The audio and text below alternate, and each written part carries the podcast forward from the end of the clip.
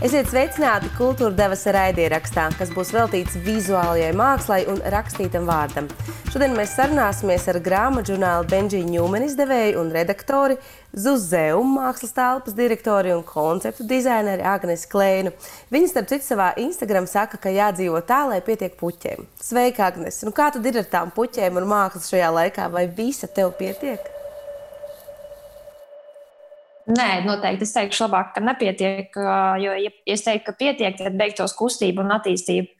Bet turpinot tavu savilkumu kopā, kur mākslas centrs uz zemes ir vienā teikumā ar puķiem, es vakar, kā mēs esam pieraduši, šobrīd daudz pasūtīju sev grieztos ziedus uz mājām, kas man ir regulārs paradums, īpaši, protams, jau ar pavasaru.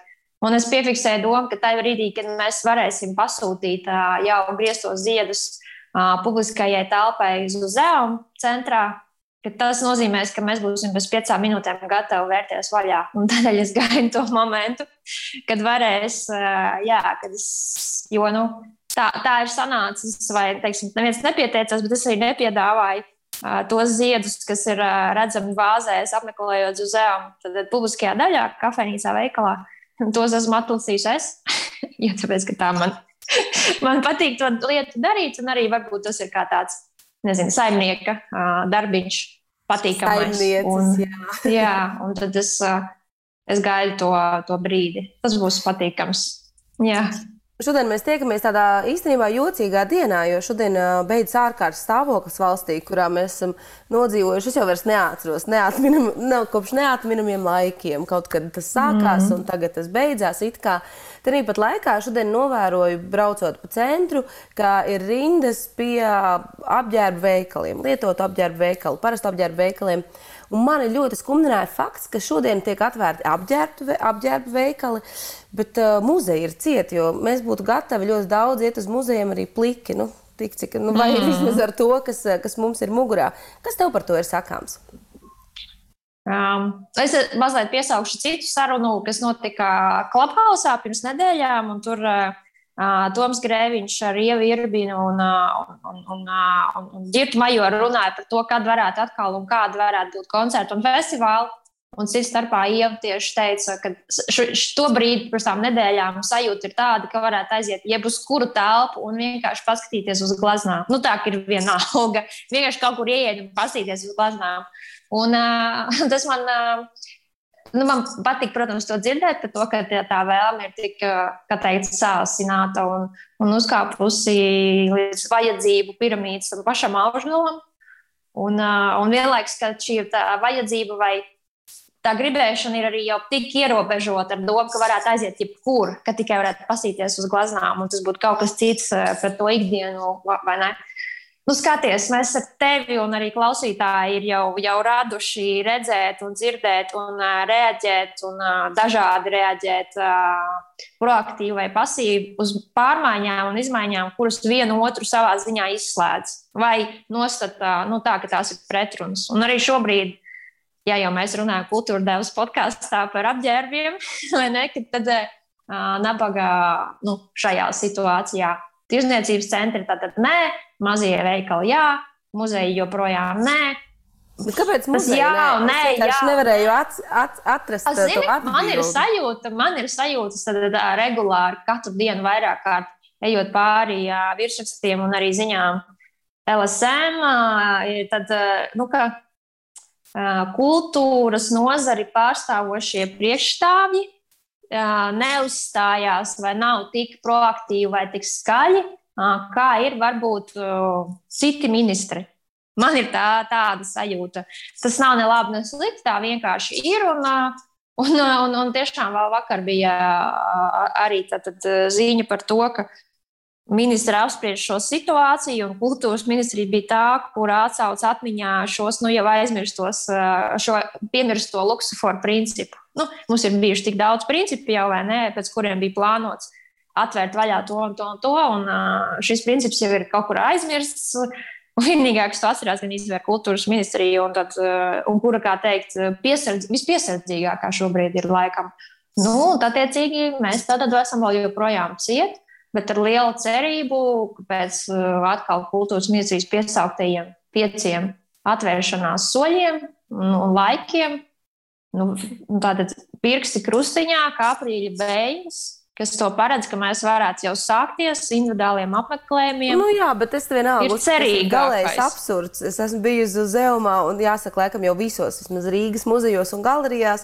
Un jāsaka tā, ka tas, mm. tā platība ir daudz lielāka, lielākai daļai no šīm iestādēm nekā mazo apģērbu veikaliem, no kur, kur no šodienas var būt vaļā. Līdz ar to es atļaušos šajā Guldados podkāstā arī visiem tiem un tev izteikt savu drausmīgo nepatiku un aizvainojumu mm. principā par šo situāciju, tāpēc, ka nu, neviens nav līdz galam mums īsti paskaidrojis, kāpēc tā ir. Jo, jo skaidrs, ka tagad mums būs jāpārtiek, ja mēs pirms tam pārtikām no pastaigām, tagad mēs pārtiksim no džinsiem, un pēc tam jau kaut kad paskatīsimies arī kādu gleznu. Jā, nu, varbūt arī droši vien šajā visā, tur, kā jau mēs zinām, varam pieņemt tie apsvērumi, ir visdažādākie, kas ar ministriem un, un, un tiem, kas izlēma, ir prātā vēl katram pārstāvot savu nozari un tam līdzīgi. Un tad skaidrs, ka mazumtirdzniecība un tirdzniecība idejiski apgroza, protams, lielāku, veido lielāku apgrozījumu nekā muzeja biļetes ja? un, un, un kafijas muzeja kafejnīcā idejiski kopēji kopņemt, un tad attiecīgi varbūt tas ir. Nu, zini, mēs jau mēnešiem, jau gadu jau runājam. Bet kāpēc? Ja tāpēc, bet kā tad un kā tad viņi, bet kā tad mēs ne viņi? Un ceļot nevar, bet ceļo. Un tā joprojām, tā joprojām. Jo es vienkārši ieraudzīju arī, ka pēdējās nedēļās nu, arvien biežāk sāk parādīties mm. šie raksti arī medijos. Nu, Iedomājieties, ir pagājis gads, bet apkārt es redzēju ļoti daudz cilvēku, kas vai nu izdeguši, vai nu pamatīgi saslimuši ar psiholoģiskām slimībām. Protams, arī to starp jauniešu, viņu vecāku un tā tālāk. Un tikai pēc gada mēs redzam, jā, ka nu, mēs tagad virsrakstos arvien biežāk manām nu, kaut kādas uh, izteikumus un bažas par to, ko tas nodara mūsu mentālajai veselībai. Un es domāju, ka kultūra arī ir viena no tām, uh, viena no tiem, kā saka, uh, Viena no vietām, glābējiem. Kur, jā, viena no glābējiem, viena no vietām, kur uh, mēs, mēs varam satikties, lai arī attālināti un nebučojoties, un tomēr baudīt uh, kaut kādu mākslu un pabūšanu kopā citādāk. Jo gadu staigājot pa visām Latvijas takām, nu, turot, ir vēl daži kardināli, kas spēj uzturēt to entuziasmu un tā kā desmit tūkstoši soļi un sludinām -huh. un liekam tikai iekšā, kad es šodien nogāju. Bet es domāju, nu, cik, ilgi, nu, cik ilgi arī tie pēdējie kardināli tur bļaus. Nu, tā. Ja vien mēs ar tevi varētu lemt, nu, varbūt arī nevajag. Es nezinu, nu, tā arī visu laiku ir atbildība.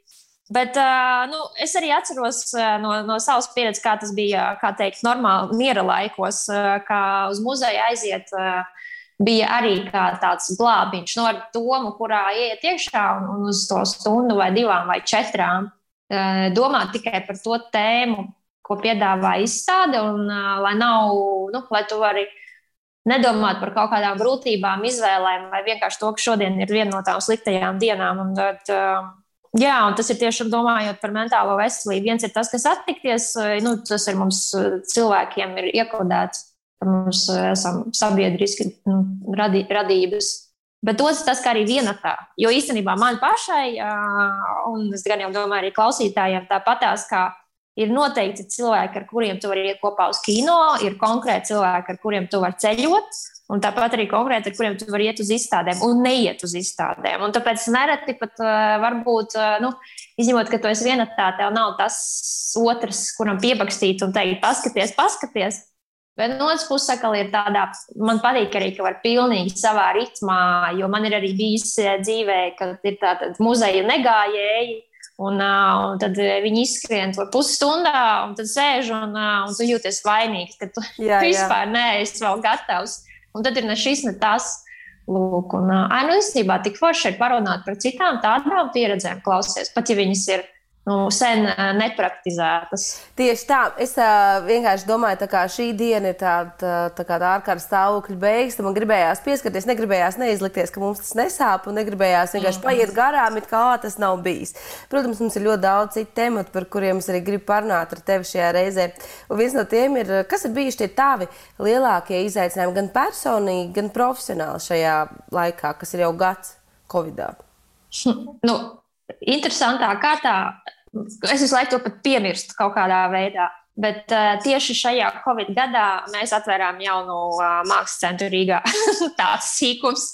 Un, uh, un tad, kad Sīkums, es to atceros, tas, jā, ka tas fakts man tā kā uh, uzspēlda apziņas virspusē, nu, jo virspusē mums ir ikdiena, tev visu laiku kaut kas ir jādara, jāizdara, jāpaspēj, un tā ir, nezinu, jādzīvo, jādzīvo līdz nākajam, nākamajam kaut kādam datumam, jo mēs visu gadu dzīvojam no datuma uz datumu, ka kaut ko varēs, nevarēs, varēs, nevarēs. Lūk, un, nu jā, un tad starp visiem šiem datumiem, jā, augustā, nē, augustā mēs plānojām, mēs sākumā plānojām maijā, pēc tam pārcēlām, kamēr, kamēr, kamēr augustā. Augustā vēl nebija vēl visas tehniskās lietas nokārtotas, eksploatācijas un tam līdzīgi. Nu, tad septembrī. Un uz tās foršās, īpatnējās un retās vasaras siltās izskaņas nots, kad atceries, ka mēs bijām. Uh, Septembra beigas vēl varēja būt tā kā šortos un ar plikām kājām. Tā bija. Vēl gāju kultūra jā, jā. Zēum, jā. Un tas bija jocīgi. Pilnīgi tādi puspliki mēs tur staigājām. Jā, un vēl arī es pieļauju, ka jums kā apmeklētājiem tas, ka bija vienkārši jauna vieta, es to nevaru piedzīvot. Tas man ir tādā ziņā žēl, jo es nekad nevaru. Nu, kā, šī jaunā vieta, kas pilsētā ir radusies, viņa, viņa ir mums no otras puses, man ir piedzīvot un mūsu komandai. Bet jā, un, un līdz ar to tas viss tas jaunums un svaigums. Tāpēc, jā, no apmeklētāja nāca rindām. Un, Tas ir tādas patīkamas atmiņas. Cik ilgi jūs vispār paspējāt būt vaļā? Cik ilgi tas bija? Kaut divas mēnešus? Tā normāli, pēdiņās sakot, mēs atvērāmies 10. un 9. septembrī, un tad uh, pirmā aizvēršanās, diemžēl, mums bija 20. oktobrī. Uh, piespiedu kārtā, nu, brīvprātīgi, tādēļ, ka uh, pirms tam jau bija paspējis aizvērties opera un jaunais Rīgas teātris, tādēļ, ka komandā Mūsu komandā nebija nevienam vēl pozitīvs, bet mēs bijām, tad mūsu gids bija apkalpojis izstāžu apmeklētāju grupu studentu, kur viens tātad bija ar pozitīvu. Viņi mūs uh, sazinājās, un mēs pieņēmām tad, nu, absolūtu drošības plānu uz tām divām drošajām nedēļām aizvērties. Tad atvērāmies novembra sākumā, vēl bišķiņi pastrādājām, bet tad jau viss aizgāja uz tiem cietajiem ierobežojumiem, kad bija tikai individuāli apmeklējumi. Tas, protams, kā uz Zemes, tā arī citur. Uzreiz reāli norāda stopkrānu. Tā plūsma vienkārši nu, tā kā, tā kā tev aizvērts iet, ir slūžas. Uh, un tad visi tie apgrūtinājumi, un tad vēl tas, ka teikt cilvēkiem, ka nē, jūs nedrīkstat sēdēt un, un, un tā kā ar savu dzērienu.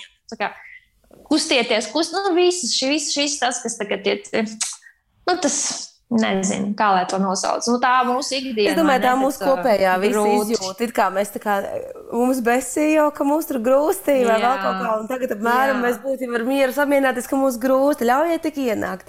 Bet um, man patīk, ka uz Zemes uh, nesēdēja rokas klēpī salīdz. Jūs nācāt klajā ar ļoti svaigu ideju. Proti, gājāt tur, kur cilvēku ir visvairāk un cilvēku viena no vietām, kur nenormāli daudz cilvēku ir aplikācija, kas piedāvā ēdināšanas pakalpojumus, un jūs bijāt, eh, es nezinu, es meklēju kaut kādus precedentus, bet eh, vai tiešām ir tā, ka jūs bijāt pasaulē pirmais muzejs, kas nokļuva uh, fast food, jeb ēdināšanas aplikācijā un piedāvāja savu mākslas izstādi? Es runāju par to, ka muzejums ir voltā, un jūs varat brokastīs skatīties vienas gleznas, pusdienās citas, vakariņās mm -hmm. citas, un vēl nopirkt biļetes. Pastāstiet par šo ideju, kā tā radās un, un kā tā tika uzņemta gala beigās. Um, nu, ko vispār vien jāsāk tā kā mazliet atkāpjoties, tad tas pro projekts un notikums ir pavisam nesens, un mēs viņu divu nedēļu laikā dabūjām gatavu uh, nu, no, no, no, tiešām no, no idejas pirmdienā līdz pēc divām nedēļām uh, palaišanas pašā aplikācijā. Ideja nav oriģināla, nu, tādā ziņā neienāca mūsu galvās, bet uh, mani uzrunāja Instagramā iepazītas meitenes, es nezinu, profesionālais vai, vai privātais partneris, bet, var sakot, tā tad ir aģentūra, ir radoša aģentūra, kura ir radusies, izīst, uh, dibināta Maskavā. Viņiem ir arī sava filiāla Ņujorkā, un, un, un daļa viņi ir pār, pārcēlušies dzīvot Rīgā, un tad, tad atvēruši savu filiāli šeit. Un, uh, lai sevi palaistu un pieteiktu, um, um, viņi izdomāja, ka viņi grib tātad, to izdarīt caur projektu. un ka projekts ir saistīts ar mākslu. Un, un, meitene Dina man svētdienas vakarā Instagramā raksta, ka ir šāds plāns, neko nepastāstot detaļās, jautā, kad mēs varam satikties. Es saku, nu rīt. Un pirmdienā mēs satikāmies, un, un viņa ar savu partneri izstāstīja šo ideju, ka tā ir ļoti vienkārša. Tiešām, ka atveram izstādi ēdienu piegādes aplikācijā, kura tātad izstāde ir veidota izmantojot spēles elementu, kā restorāna, kafejnīcas ēdienkarte, kurā tikai menu ēdienu un dzērienu vietā ir mākslas darbi. Un, uh, tos tur ir kopā 20, un uh, viņus var ne tikai apskatīt, bet par katru uh, mēs esam ar, ar, ar Zuzēmu izstāžu vadītāju Ievu ar priekšgalā izveidojuši aprakstus šiem darbiem. Nu, tā, ar domu, ja mēs visu kaut ko telefonā skrolējam, augšu uz leju un saturs apnīk, tad, uh, un, un mākslas tur varbūt ir mazāk, uh, tad, uh, tad tagad to var iegūt. Valda aplikācijā, uz kuru mēs, nu, īpaši, kas ir raduši to izmantot regulāri, ejam, un tad tur ir jauns piedāvājums. Un, lai šo mākslu izbaudītu līdz galam, izčekojoties no, no izstādes, jeb no mūsu restorāna pēdiņās Voltā, Um, mēs aicinām iegādāties um, ielas biļeti uz uzdevumu izstādē, kura ir derīga līdz gada beigām. Tātad viņa būs. Nu, nu, ir skaidrs, ka viņu varēs izmantot. Nu, tiešām, nu, tam taču ir jānotiek, vai ne? Nu, uh, pie apstākļiem, jā. Un uh, mēs jau tagad, tieši vakar, um, vadoties pēc tā, ko mēs esam ielikuši šajā izstādē, virtuālajā izstādē Voltā, apskatījām, piemērījām atsevišķus darbus fiziskā formātā, kuri būs apskatāmi uz uzdevuma publiskajā zonā. Nu, ar domu, kā tāds mēs ceram, un tā tas arī ir iecerēts, kā tāds foršs emocionāls atgādinājums, kā teikt, uz uzdevuma ir ar tevi apmeklētāji, esošais un nākotnes kopā. Nu, tad, kad mēs nevaram būt fiziskā telpā vienā, tad mēs esam virtuāli. Bet tad, kad tu atkal esi atnācis pie mums un mēs esam atvēruši durvis, tu vari ieraudzīt to pašu bildi dzīvē, un tas vienmēr ir interesanti. Ne tikai šai kontekstā, bet arī īpaši senākos laikos, kad eh, ceļojām mazāk un nebija digitālās pasaules, tu kaut ko redzēji mākslas vēstures grāmatā. Tas bija fantastiski. Un tu ieraugi, ka viņš īstenībā ir trīsmetrīgs vai īstenībā 20 x 20. Un tev ir tas, ah, bet es domāju, es nezināju, tas piedzīvojums ir. Lūk, un tad šo mēs arī Bet saki, lūdzu, kā, kā mākslinieki reaģēja uz, uz to? Jo es tajā dienā, kad jūs palaidāt šo, es biju dikti priecīga. Es arī padalījos ar saviem sekotājiem. Un, un man liekas, ka tas ir ļoti jauks veids, varbūt, bet es sadzirdēju, man arī pretī atnāca dažas ziņas. Kas teica, ne, tas ir galīgi garām. Vai vispār tas ir saskaņots ar māksliniekiem, ko mākslinieki par to saka? Gleznas nav nekāda free kartupeļa. Mm. Jā, nu, Pirmkārt, kaut kādā ziņā tā, tā, tas piedāvājums, kas ir mūsu ēdienkartē, ir uh, startautisks. Tātad tur ir uh, mākslinieki gan no Latvijas, uh, no Krievijas. Bet jūs ar viņiem saskaņojāt to, vai tas nebija jādara, tāpēc, ka glezniecības pieder jau uz Eumu, uz Uzāņu ģimenei? Nu, idejiski droši vien varētu gan vienādi, gan otrādi. Mēs e-pastu nerakstījām un nejautājām. Tas ir fakts. Varbūt vajadzēja. Nākamreiz droši vien tad uzrakstīsim. Nu, droši vien tas, kādēļ mēs šo tādā veidā, kā teikt, lietojot vienkārši šos vārdus, nesaskaņojām, tādēļ, ka mēs šeit redzējām vairāk labumu nekā ļaunumu, jo tas drīzāk ir. Protams, ir jautājums par to, ka uh, nu, kā cilvēkiem patīkās varbūt to salīdzināt, ka tur blakus var nopirkt arī, arī hamburgeru, bet vai tāpēc uh, uh, mākslas darbā ieliktā doma mazinās, uh, savu vērtību mazinās. Nu, kāda prāta varbūt tā ir? Uh, uh, tikmēr, nu, vai ne, ir tās atsauksmes, kuras tu dzirdēji, un kuras arī varbūt gāja garām arī mums, bet tikmēr atkal cita auditorijas daļa. Jāsaka, gan, kad viņa bija mazāk latviešu runājoša daļa, sociālajos tīklos. Uh, Un arī, arī dzīvē uh, mums teica uh, tieši pretējo par to, ka nu, kad labi izdomāts, nu, kad īstajā laikā un, un, un, un tā. Nu, es domāju, ka jums kā laik, ļoti laikmatīgam, mūsdienīgam mākslas centram un vietai pie, nu, piestāv, piestāv eksperiments, ar ko es gribētu noslēgt šo, ka piestāv eksperimentēt vairāk, varbūt, ja Latvijas Nacionālais Mākslas muzejs spērtu tik drosmīgu soli, tad uh, tur varētu būt lielāka brēka. Viņi ir ļoti daudz digitalizējuši, par ko man ir prieks. Man ir prieks, ka Covid ir veicinājis Latvijas muzeja digitalizāciju ļoti ātros tempos, kas pirms tam notika lēnāk. Tas, protams, neatsver to, ka mēs vēlamies iet uz muzeju, bet tomēr mm ir mhm. iespējams iepazīties arī ar kolekcijām online. Tā kā ne tikai varbūt ātrās ēdināšanas aplikācijā, bet arī mājaslapās un tā tālāk. Noteikti klausītājiem iesaku nu, paskatīties vakaros kaut ko, kas atrodas. Ma maza piebilde no manis ir par to, ka uh, tas nav tikai reklamējot konkrēto ēdienu. Un īstenībā nu, Šis startups ir sācies ar, ar to, ka jā, tas ir ēdienu piegādes aplikācija. Bet jau tagad, kas gan ir nu, pagaidām tāds salīdzinošs jaunums, bet arī, protams, apstākļi ārā šo veicina, ka uh, ideja ir piegādāt jebko. Un jau tur šobrīd jau vērtā tad attiecīgi iegādāties ne tikai pārtiku, bet, bet vai tās būtu dāvanas, vai tie būtu jogas paklājiņi un tam līdzīgi. Uh, Un, un Voltu šo vienkārši iet papildinot to. Un, un šajā brīdī mēs esam, saprot, tā ir digitālā, virtuālā pilsēta. Un tās ir tās, kurās mēs šobrīd dzīvojam. Un tas, ka tev uz vienas ielas ir muzejs un maziņš, maziņa bodīte un, un, un vēl kaut kas, un vēl kaut kas, nu vai tāpēc tas mazina muzeja vērtību. Nu, es arī varu, nu, ja mēs šis ir diskusija, diskusijas pēc, vai ne, mēs varam paskatīties no tās puses. Jo ideja, kāpēc mēs vispār uz šo, uz šo ideju reaģējām, ka jā, noteikti to darām. Tā ir nu, teikt, sagatavas un uh, fonā šim visam, jo mēs ar Zuzēnu ļoti aktīvi skatāmies tieši uz šīm virtuālajām pilsētām un pat uh, nu, universiem, jeb kā viņus sauc, metaversiem, kuros uh, jau notiek lietas.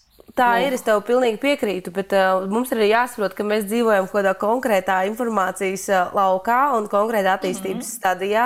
Mēs esam tā jau turbo tempā, es gribētu teikt, gada laikā attīstījuši savas digitālās prasmes, spējas un, un uh, arī iemācījušies apmierināt savas vajadzības pēc kultūras, mākslas, mūzikas digitālā vidē. Un, no, ļoti grūti ir domāt līdz galam.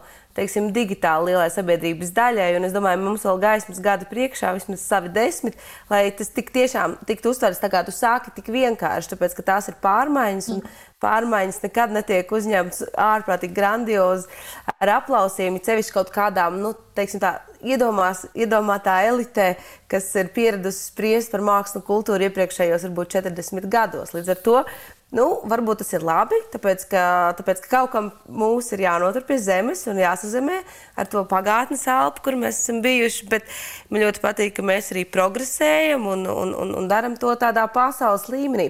Uh, runājot vēl par, uh, par, par šo laiku, kā, kā krīzi, bet gribēju, grib, gribu lietot gan krīzi tādā pozitīvā, nedaudz gan tāds, mm. jā. Proti, kā tev liekas, vai šī krīze ir veicinājusi vai uh, smacējusi radošumu? Vispār mākslā, kultūrā, mūzikā? Ko tu esi novērojis apkārt, kam tu seko līdzi? Es domāju, pirmkārt, noteikti atbilde ir individuāla, un ar individuāli es apzīmēju gan nu, tātad, māksliniekus vai tie, kas rada kā personas, gan arī individuāli kā institūcijas. Un, tā kā ļoti atkarīgs ir, jo nu, institūcijas jau arī vada personas un, un personu komandas, un tas, tāpēc ir tie dažā, tā, tā dažādība. Bet, tu zini, man liekas, mēs vēl nevaram par to līdz galam spriest, tādēļ, ka uh, tas viss vēl ir zem vāciņa, sauksim to tā. Un mēs nezinām, nu, tā šī aprits šobrīd nav tāda vai ne, nav tā kā normālā pasaulē, ka tu kaut kur satikies, aprunājies, uzzināji, uzzināji, vēl kaut ko uzzināji, un tev kā veidojās tā, nu, tā, tā situācijas kopskats. Šobrīd ja vien tu kādam neuzraksti un nepajautā, pie kā tu strādā, vai nu, tik cik kāds ne ar to dalās sociālos tīklos, un šai, ņemā, šai ziņā vēl pie, piebilstot, cik tu pats gribi būt sociālos tīklos šajos laikos. Uh, es Facebookā vairs neesmu, es viņu nelieto vairāk, vienkārši jau kopš decembra. Un, uh, un, un tad, uh, Līdz ar to, un arī vēl ir tas, ka visas tas, kas tiek šobrīd radīts, tās pirmizrādes, īpaši fiziskiem notikumiem, viņas vēl nevar, viņas vēl nevar notikt. Tā kā arī kultūra devā bija Aiks Karapetjans, un viņam bija jautājums, kad būs pirmizrādušies, nu, bet es nezinu. tā atbilde bija tik cilvēcīga, emocionāli tieši tāda, ka tu tiešām vari nezināt jā, tādas lietas, kuras tev kā profesionālim uh, normālā pasaulē būtu, nu, kā teikt, kā reizrēķins. Nu, lūk, tāpēc mēs nevaram vēl īstenībā spriest līdz galam. Bet mana sajūta ir, ja tu vispār jautā, kāda ir mana sajūta, ka tur ir, kā teikt, um, nu, tā cilvēciskā vēlme iziet ārā un parādīt vienai pusē un otrai pusē paskatīties, ir, es domāju, ka mēs viņu pat neapzināmies. Jo tik ļoti man bija vakar, tieši šis arī, arī bija precedents. Tad uh, ir pavasaris, un uh, kā jau tad uh, portālos un visur raksta, velosipēdi ir uz izķeršanu, detaļas tūlīt iegādāties nevar. Tas izklausās kā pēc kādiem nu, kara apstākļiem, bet tādos mēs arī dzīvojam. Un tad uh, man vajag savu velosipēdu. Man un vīram iedot uz profilaks, nu, jo, lai sāktu sezonu. Un, uh, tad mēs gājām garām pazīstamam uh, velo servisam, veikalam. Un viņi bija cieti, bet kā jau tas tagad ir, tu ieraugi, tu pievēri, viņi tev atver un tā. Un tur pazīstams, vai ne? Un es sāku runāt, ka mums viņa vajag pieteikt, un, tā, un es tikai pēc kaut kādām desmit minūtēm secināju, ka es nu, pēdiņās aizmirsu iepazīstināt savu paziņu ar manu vīru. Tāpēc, ka es esmu, man ir atradinājies iekšā šis cilvēciskais nu, refleks. Tu satiec cilvēku, tu viņus iepazīsti, un viss tā notiek. Un es tiešām sapratu, es, ne, es tevis, ka viņi nav mirusi. Viņi vienkārši tā, ir tā pieklājība, ir visās tā, vai ne citās. Ir visas tās formas un citas tās cilvēka uh, maņas un reakcijas, kuras mēs esam spiesti šobrīd trenēt, vai ne? Kā pieņemsim, iet ar līkumu cilvēkiem uz ielas. Nu, visas šīs lietas, un tās citas, kuras mēs šobrīd nelietojam, ir piemirsušās kaut kādā veidā. Bet viņas jau, protams, tur būs atpakaļ. Tāpat kā braukt ar velo vai ar mašīnu, tiem, kam lūk. Un tāpēc ir tas, ka mēs šobrīd neapzināmies un pat ne, nu, nesaprotam kaut kādas lietas, arī labas lietas, nu, arī gan jau arī netik labas, tā skaitā ar mentālo veselību, kuras tur vienkārši apakšā ir ikdienā, bet mēs viņus, ar viņām nevaram šobrīd, mēs nevaram viņus apkalpot šobrīd. Jā. Es tev piekrītu. Jā. Es vēl uh, redzēju vairākos portālos, un es zinu, ka arī var Zviedri strādā pie filmas par Covid. Nu, par dažādiem, respektīvi, protams, mākslā, kino, mūzikā visur atspoguļosies šis laiks. Es uh, ceru, ka tas laiks drīz noslēgsies un tikai atspoguļosies kaut kur, bet zinu, par ko es iedomājos. Mm. Es ieraudzīju, ka būs kaut kāda viena cita portāla, kā Covid filmas, kaut kāda pirmizrāde. Un es domāju, kā, kurš to skatīsies? Neviens negrib skatīties, visi dzīvo tajā drāmķī. Un um, es nezinu, kāpēc man radās tā sajūta, ka, ja tu man aicināsi uz izstādi, kas, kas reflektē par 2020, mm. 2021. gadu un Covid krīzi un sēdēšanu mājās, es neiešu, es tur biju. Nē, vēl nē, vēl noteikti nē. Vēl tādā, kā teikt, atskatīties uz to laiku mēs vēl negribam un arī nespējam, bet nespējam emocionāli, bet es domāju, arī praktiski vēl nē, jo mēs tiešām tur vēl esam vēl iekšā. Un arī līdz ar to sanāk, nu, tas, ko mēs varam gan, un tāpēc arī, man liekas, pat arī Zviedrs, man liekas, arī to, ko viņš filmē, bija tieši tā pirmā, pirmā reakcija uz to, ka vienkārši ir šis, nu, ka pasaule nu, sagrūst tāda, kāda viņa bija. Tas bija tie pirmie mēneši, kad. Uh, uz kuriem es savukārt savā dzīvē, un arī bijuši uz apkārtējiem, nu, tuvākajiem.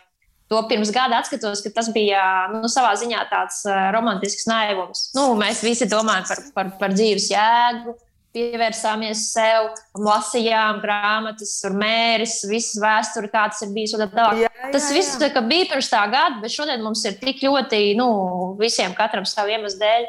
Tā praktiskā realitāte iekšā, nu, tāda, ka vienkārši, nu, tu, dzīvo no līdzi un, un kaut kā me menedžē šo visu. Uh, es nezinu, kāda būs pēcgada. Es ļoti ceru, ka mēs varēsim vienkārši par to jau domāt par pagātnē, kā pagātnē, nevis kaut kādā vai vienkārši uh, nākamā savas... stadijā. Jā. Vai izstumj no savas apziņas? Zini, kā ir tāda, ir tāda cilvēka psiholoģiska īpatnība, kad kaut kas ļoti slikts ar tevi kādreiz ir noticis, un tu par to vairs negribi reflektēt un domāt. Tu vienkārši izstumj no apziņas to laiku. Nu, vienkārši neatceries kaut kā. Nu, šitam mums laiks palīdzēs, noteikti. Nu, laiks jau visur iedē. Zini, kas mm. ir laik, laici, nevis laicīgs, bet tāds pārlaicīgs. Man liekas, ka tās vienmēr ir uh, grāmatas. Tāpēc es uh, gribētu nospēlēt vienu fragment no iepriekšējās kultūra devas, kur pie mums uh, studijā viesojās. Uh, grāmatu ilustrētāji un Mākslas akadēmijas mācību spēki Aleksis Numovs un Armāns Zelčs, bet te maz citātiņš no Aleksija Numova. Kas ir tas, kas ir krit, pamatkritērijs labi dizainētai grāmatai? Labi, nu, tur ir viss. Tur ir nu, saka, trīs tādi komponenti. Tur ir uh, autors, dzinieks vai rakstnieks, tur ir mākslinieks un izdevniecība. Nu, un, protams, arī tipogrāfija. Protams, tas viss ir subjektīvi arī. Jā, to mēs redzēsim aprīlī, kāds būs šis subjektīvais lēmums.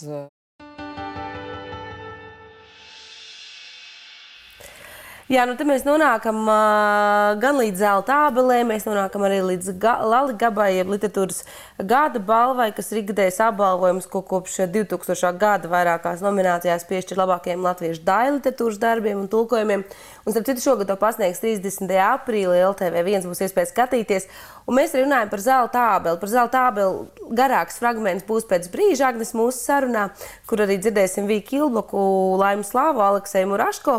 Bet kāpēc es aizgāju ar, uz, uz grāmatu pusi ar tevi? Tāpēc, ka jāsaka, ka pirms nu, jau sanāk sešiem gadiem laikam iznāca pirmais Benžija Ņūmana grāmatu žurnāls. Šķiet, man ir tie pirmie vai nu trīs vai pieci.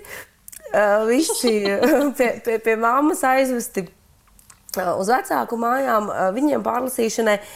Bet uh, toreiz, tu, toreiz, pirms sešiem gadiem, tu sāki izdot šo grāmatu, žurnālu, kas sarakstīts Latvijā un domāts visai pasaulē, plašajai. Kā ir mainījies Benžija Ņūmana šajos gados? Mm, īsnībā nu jau šogad novembrī būs, jau, novembrī būs jau septiņi. Tātad jau 14. gadā iznāca pirmais numurs.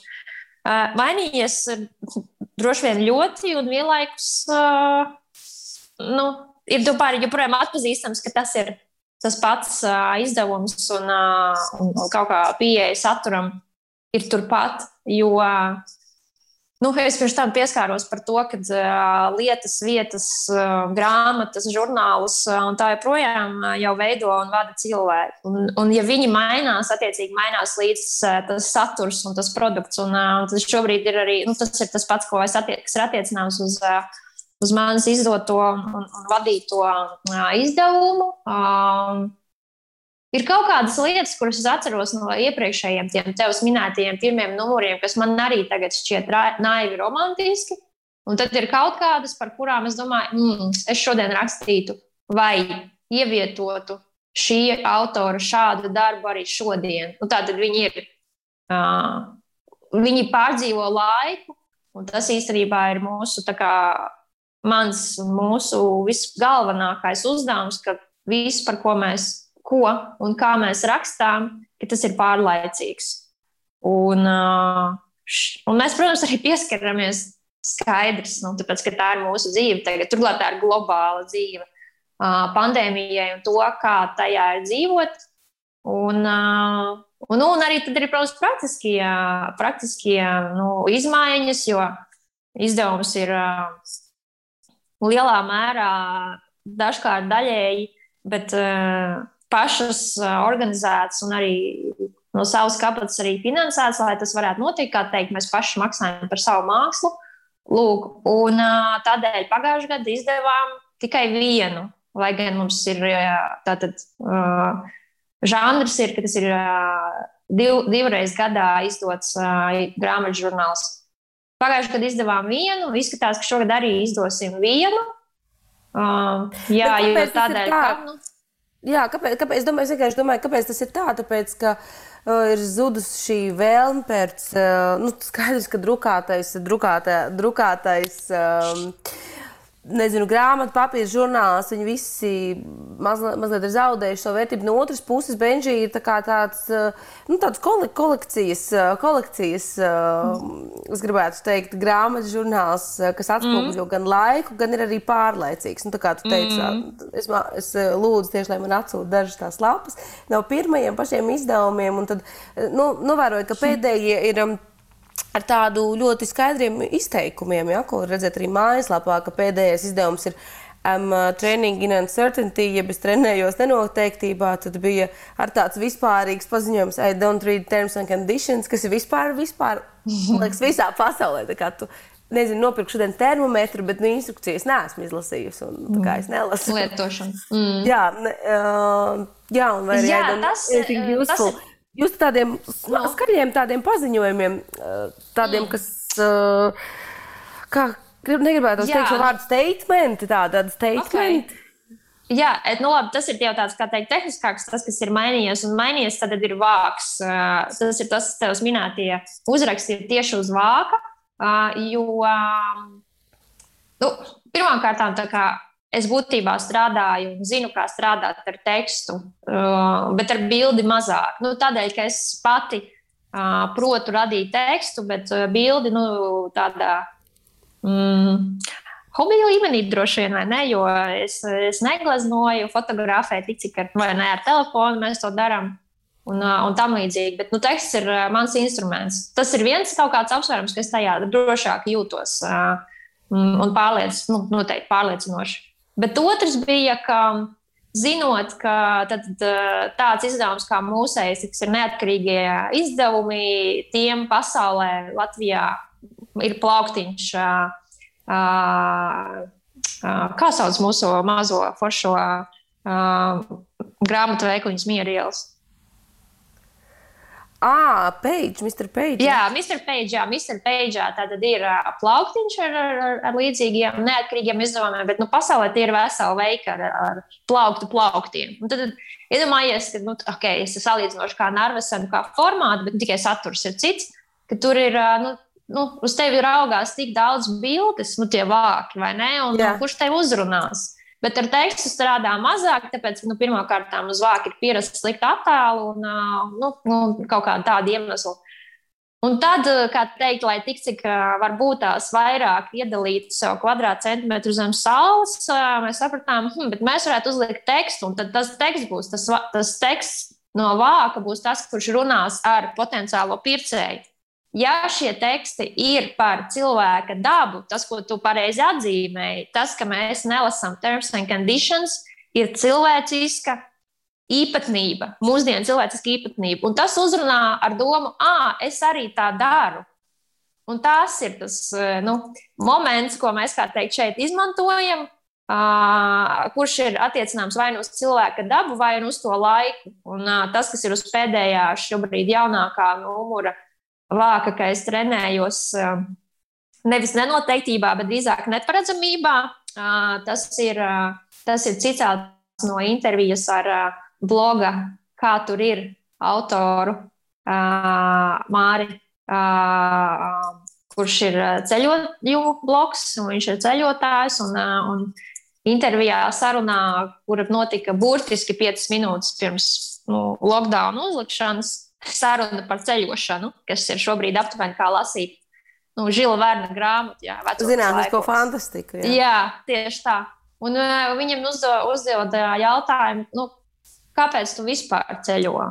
Un, un, un viņš uh, atbild, ka es trenēju šajā neparedzamībā, ka tu aizbrauksi kaut kur, uh, kur tu pirmkārt nezinās, kā tur ir. Tu varbūt arī uzreiz nezinās, kur tu paliec, un tā joprojām. Un, un ka šī nenoteiktība, ka šie apstākļi, kur ir nenoteikti, tev palīdz trenēties tā, kā teikt, pēdiņās īstajai dzīvei, kur ir tev tavā mītnes zemē, kur ir vis- nu, kā, mums visu laiku ir nenoteiktība. Tas ir tas, kur mēs šobrīd Nu, dzīvojam tā ir, katru jā. minūti. Un tādēļ mēs to uzlikām uz vāku, tāpēc ka tas ir kā teikt, pasvītrot šo laiku. Jā. Jā, un tas, manuprāt, ir diezgan labi sasaucts ar to, ko teica Aleksis Naumos par to, kas ir, ir ā, lab, pamatā labi dizainētai grāmatai. Un labi dizainēta grāmata parasti ir tā, kas tev ir patīkama gan acīm, gan uzrunā tevi, gan, gan arī tiek novērtēta. Un tā noteikti notika arī ar Benžiju, kad ā, viņš tikko parādījās, ka tas bija tāds wow, kas tas tāds ir un, un kas tā būs. Mēs paklausīsimies vēl vienu sīžetu, un tad turpināsim mūsu sarunu. Jau 28. reizi Latvijas grāmatu izdevēju asociācija rīko grāmatu mākslas konkursu Zelta Ābele. Tajā tiks apbalvotas pagājušā gada skaistākās grāmatas septiņās kategorijās.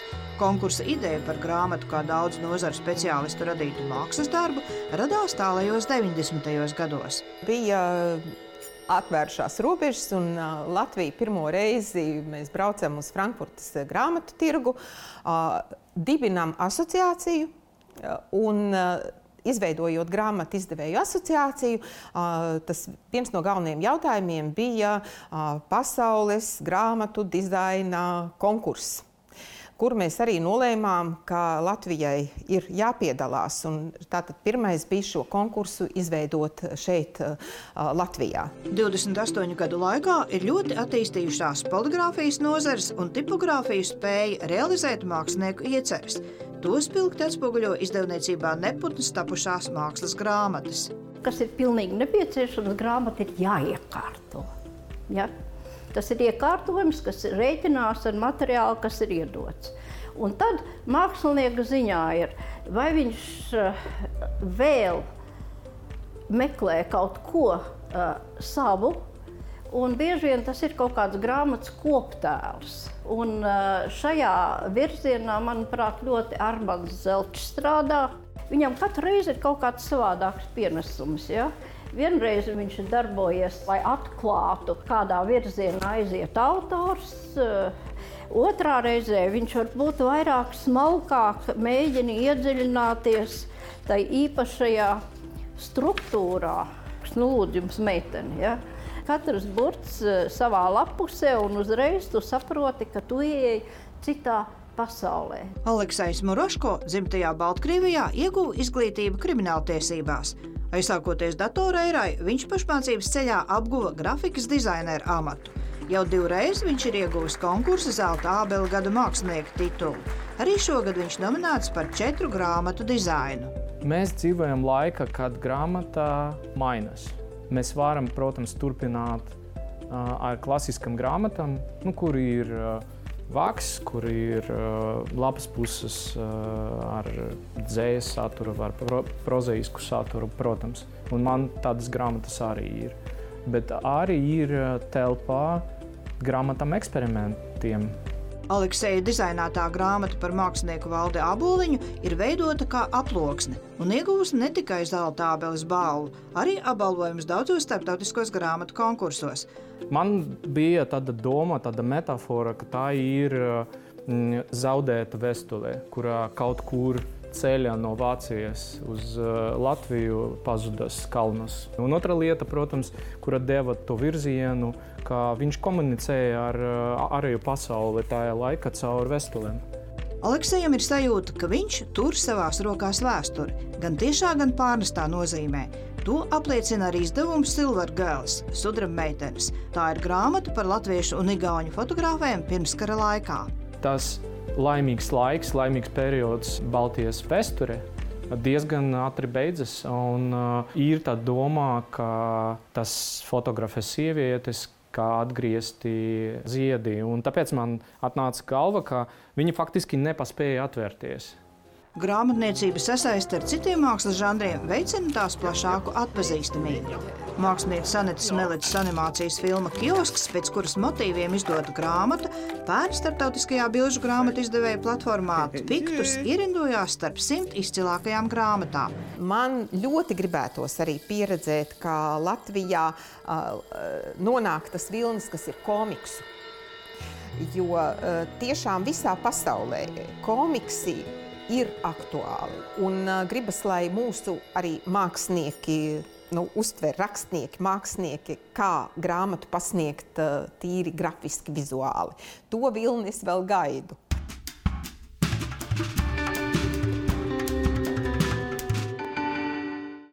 Agnēs, kādas tavas sajūtas par dzirdēto iepriekšējā sižetā, kas bija no kultūra devas iepriekšējā laidienā? Man bija tiešām patīkams pārsteigums eh, dzirdēt eh, no Vīsas Kilbokas, eh, patīkams pārsteigums dzirdēt par to tēmu, ka vēl cilvēki par to domā, kas ir komiks, ir šī tēma. Bija patīkams pārsteigums dzirdēt, ka viņa gaida komiksu uznācienu uz Latvijas izdevumu grāmatu skatuves. Tādēļ, ka es jau kādus gadus um, pētu, lasu Un šobrīd, nu, jā, atzīšu pirmo publisko reizi, ka arī strādāju pie, pie komiksa izveides. Um, jā, tāpēc man bija tāds uzreiz tāda zaļā lampiņa, klausoties visu. Tā kā kad sakrīt, uh, sakām. Jā, un es, tieš, es tiešām biju, jo skaties, kā ir ar komiksiem. Um, labi, nu, tomēr uh, vidēji nu, lielam, lielajam vairumam komiks asociējās ar kaut ko, kas ir bērniem. Viens tas ir bērniem. Nē, nopietns, nu, droši vien nu, kaut kas tāds, nu, zīmēts. Nu, kaut kas tur krāsains tāds. Nu, un arī kaut kas vēl ceturtos pievilkšu, kaut kas tā teikt, vienreiz lietojams. Nu, ar domu tas ir tāds kaut kāds žurnāliņš, tu izlasi.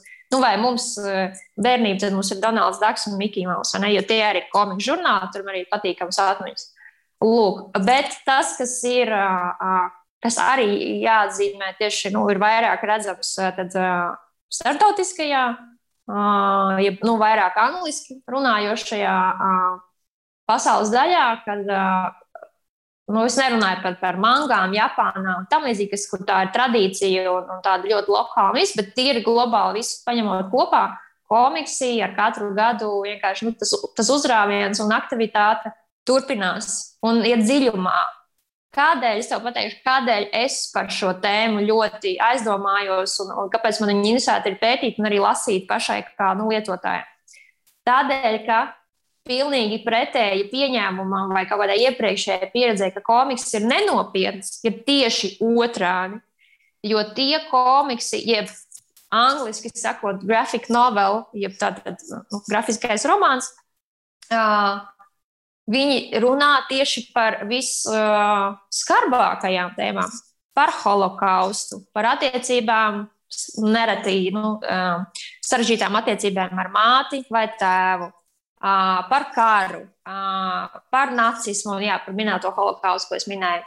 Hanna Ārente un, uh, un ļaunuma sakne. Un tā, tie ir visi tie, es nosaucu tos, ko es pats esmu lasījis, un tas man ir mājās grāmatu plauktā. Vēl, vēl viens liels aspekts, kā labi izmantot komiksu, ir stāstīt tieši biogrāfisku stāstu. Nu, par Annu Franko, kāds būs tavs mākslinieks. Kad būs tavs, kāds ir tas, pie kā tu strādā? Skaidrs, ka pasaulē ļoti daudz, ļoti dažādas tēmas mēs varam risināt šajā žanrā. Bet kas, mm -hmm. bija, kas būs tas žanrs, kurā tu startē? Skaidrs, komiks, bet par ko? Es ļoti gribētu izstāstīt plašākai auditorijai uh, Latvijas uh, nu jau aizgājušā mākslinieka Vladimira Glušenkova uh, stāstu jā, būtību. Un, uh, tas viss izcēlās no tā, ka es uh, kad tobrīd pirmo reizi uzzināju, ka Zuzāna kolekcijā ir mākslinieki, ok, ir viņa darbi, Bet viņam bija ļoti specifisks, nu, īstenībā ļoti pazīstams žanrs, ko viņš praktizē un piekopa. Tā ir dienas grāmatu rakstīšana un veidošana. Bet tās dienas grāmatas nav. Tā ir dienas grāmata, kas ir, ko var apzīmēt kā apziņas plūsmu. Tas nav. Es šodien izdarīju tādā, tur ir tieši domas un pārdomas un, un kā teikt, saruna arī pašam ar sevi. Lūk, un, un šīs dienas grāmatas ir arī pats uh, Vladimirs ir uh, noformējis. Tās ir uh, Zuzāna kolekcijā. Es, man ir arī, protams, nu, sanācis profesionālā, kontekstuālā pieredze, nu, iespēja, ka es tā viņ, viņām arī varu tikt klāt un viņus pētīt un skatīties.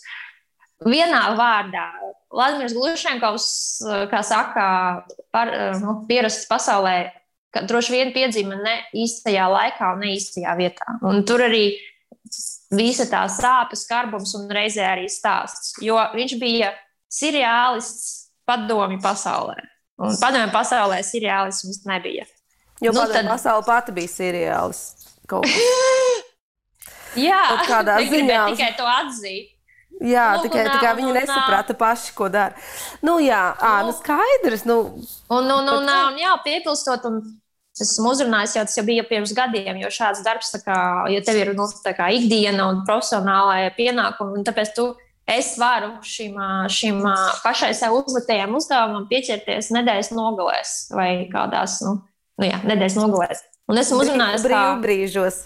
Brīvbrīžos, jā, kā grafisko, grafiskās daļas mākslinieku Ernestu Kļaviņu, kurš ir pazīstams žurnālā Ir un Saulēk dienā. Un viņš pats ir arī, arī kādus mazus komiksus jau zīmējis. Un, uh, mēs šobrīd esam nonākuši līdz tam, ka es, uh, ka, kur, uh, kur Ernests ir uztaisījis jau, div, jau 3D modeli. Vladimirai Glušenko sēņai, uh, lai varētu ar to strādāt un emocijas uh, manevrēt. Es pieļauju, ka tagad, ka tagad uh, komiks radīt arī tīri no tehniskā viedokļa ir daudz uh, vieglāk. Varbūt. Mm. Tu, tu it kā, it kā rādi jau šo personāžu un tā tālāk, un tad tu dublē viņu, tur, viņu pašu, viņa emocijas, raisi, risi. Nu, tādā ziņā es domāju, ka, ka tās tehnoloģiskās iespējas tagad atļauj to komiksu. Uh, Jā, es ceru, ka būs tāda mākslas žurnāla, Agnēs. To es tev novēlēšu. Es nezinu, kad mēs varam gaidīt, vai, vai man te ir vērts jautāt. Nē, nav. Nē, es ļoti gribētu, tomēr, ka nākamgad, lai tas notiek, un varbūt arī tas ir vēl viens praktisks iemesls, kāpēc es nolēmu izdot šogad vienu Benžīnu Ņūmenu laidienu. Lai uh, iedotu enerģiju, lai iedotu enerģiju jā, šim, šim izdevumam. Ka... Bet tas ir, es kaut kā sajūtu, nezinu. Nu, tur ir kaut kādas dažādas, visādas emocionāli iemesli, kāpēc es gribu to stāstu izstāstīt. Bet uh, es vienkārši saprotu, ka komiks var palīdzēt. Un uh, ir tam latviešu ir pieejams jau labs piemērs. Tas ir uh, grāmatas Sibīrijas haiku. Vai tu zini par to? Esmu? Jā, vai ne? Jā. Jā, uh, tad, tad, uh, latviešu tulkots uh, lietuviešu autors darbs. Uh, komiks, nu, varbūt ne tik ļoti klasiskā izpratnē, bet tomēr zīmēts stāsts, kurš arī izstāsta vēl vienu traģisku lietu zīmētā formātā. Uh, Un ar šo zīmēto formātu tu vari, um, viens ir tas, ka tagad tev var ievilināt, ja var lietot šo vārdu vispār, pie grūta stāsta, jo tev ir vieglāk pie viņa nokļūt. Un otrs ir tas, ka komiks pēc būtības ir zīmēta, nu, tā ir filma, grāmatā.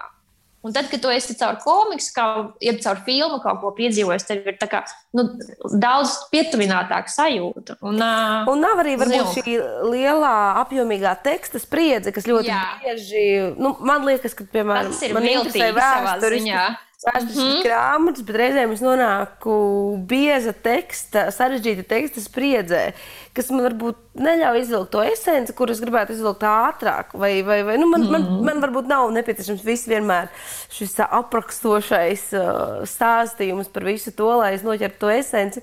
Es tev novēlētu tādus izdodas, bet es vēl sarunas noslēgumā ļoti gribu ar tevi pieskarties vienai tēmai, par kuru es biju tikai dzirdējis ļoti attālu pausu galam, un tad es domāju, nu, protams, kurš gan cits to būs papētījis. Un tu pats teici, ka tu aizraujies un, un uh, esi iedziļinājusies NFT.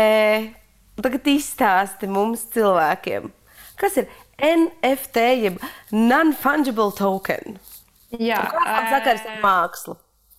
Nu šobrīd tas ir vistiešākais. Es noteikti neuzdošos par kaut kādu zinātnēju, bet par kā es varu sev saukt, es esmu ļoti šobrīd kaislīgs un aktīvs interesants un reizē dzīves students lietai, kura notiek paralēli mums šajā nu, jā, virtuālajā pasaulē atkal vairāk un pamatā angliski runājošā, gan arī krieviski runājošā jo, nu, pasaulē.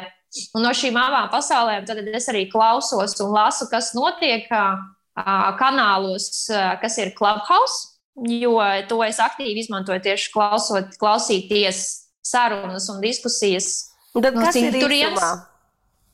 Un, un īsumā tas, ko tu pieminēji, tas pats NFT ir vienkārši certifikācija, tehniska lieta, ar, kuru, ar kuras palīdzību var iespēt jaunas lietas, kuras pirms tam nav darītas. Pats tas certifikāts, tā ir tehniska lietiņa, kuras tev un man pēc būtības nav jāzina. Es domāju, tāpatās kā es tev, es tev uzprasīšu, tu pateiksi jā vai nē.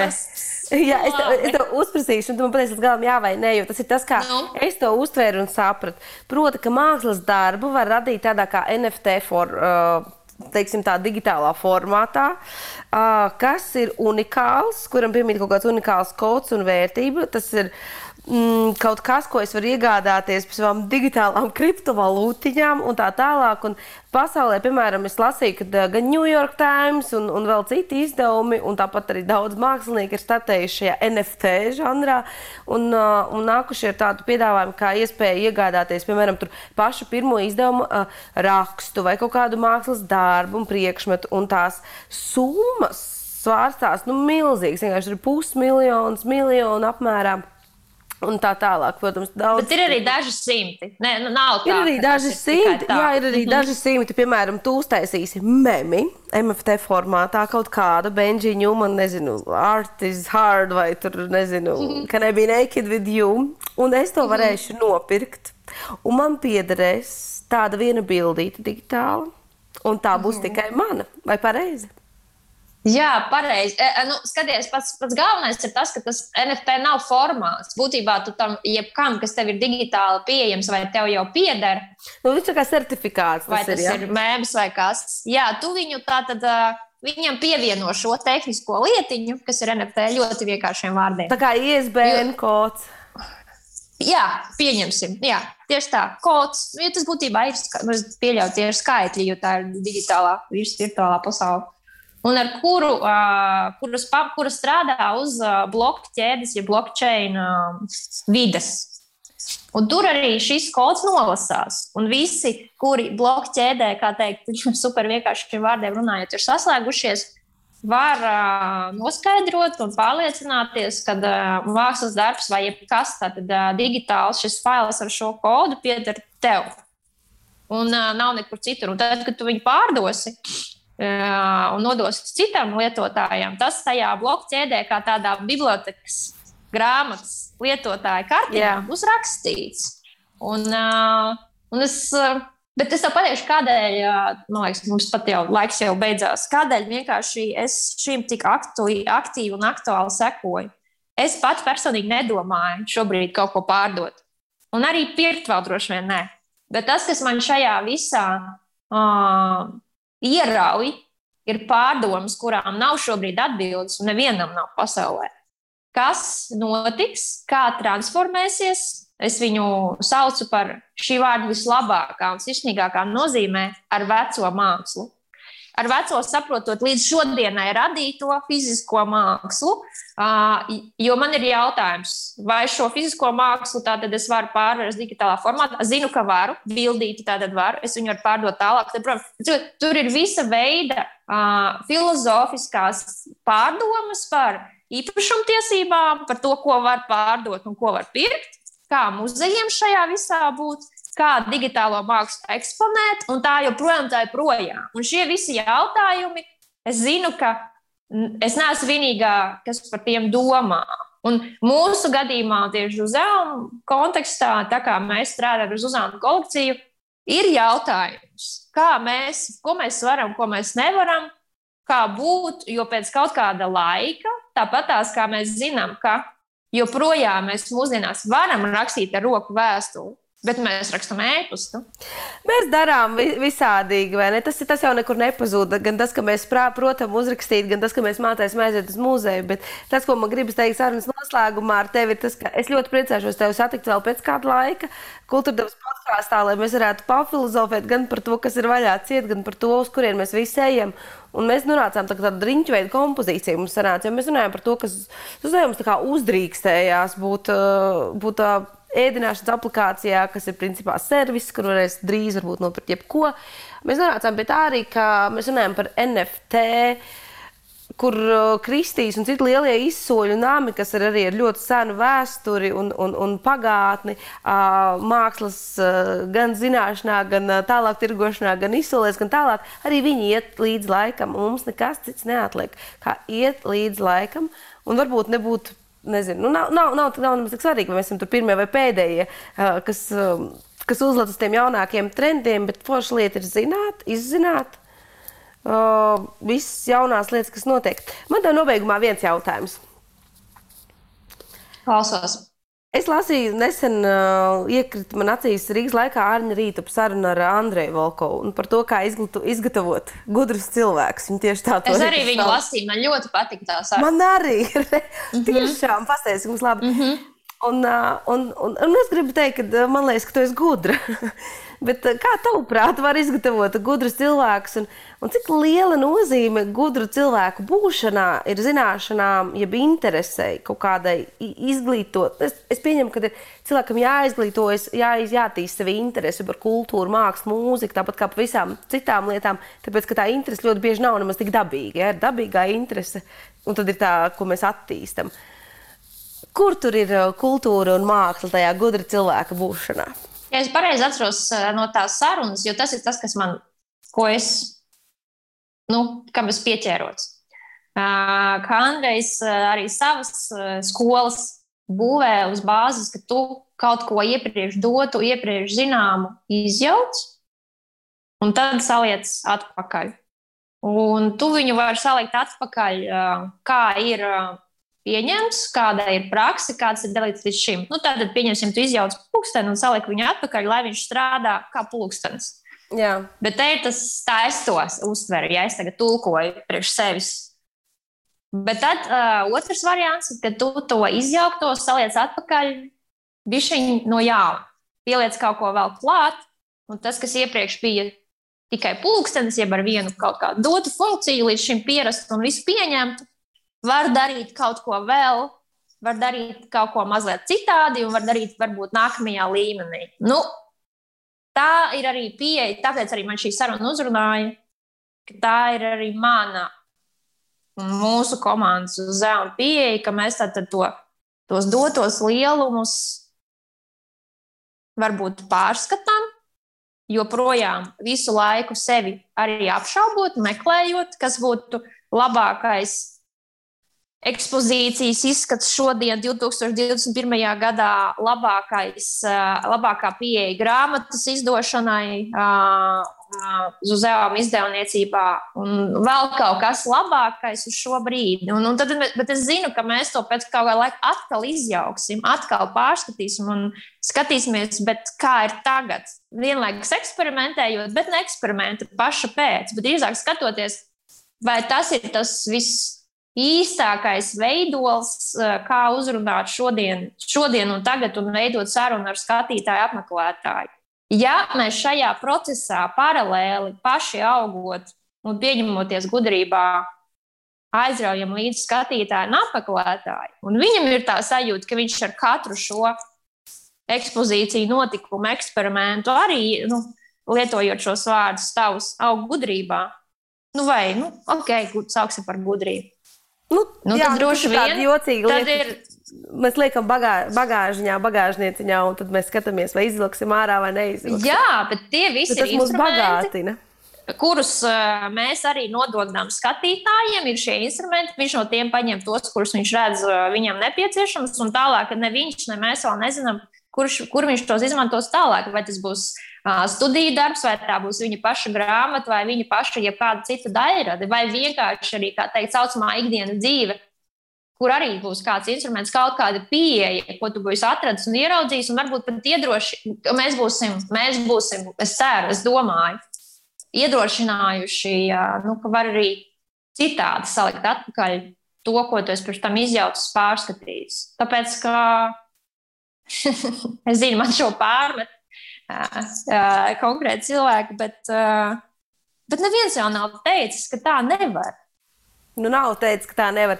Es domāju, ka, es domāju Agnes, ka, ka mēs varētu turpināt šo sarunu līdzīgi kā Rīgas laikā. Viņa bija entola apakšu garumā, un šis ir ļoti interesants temats.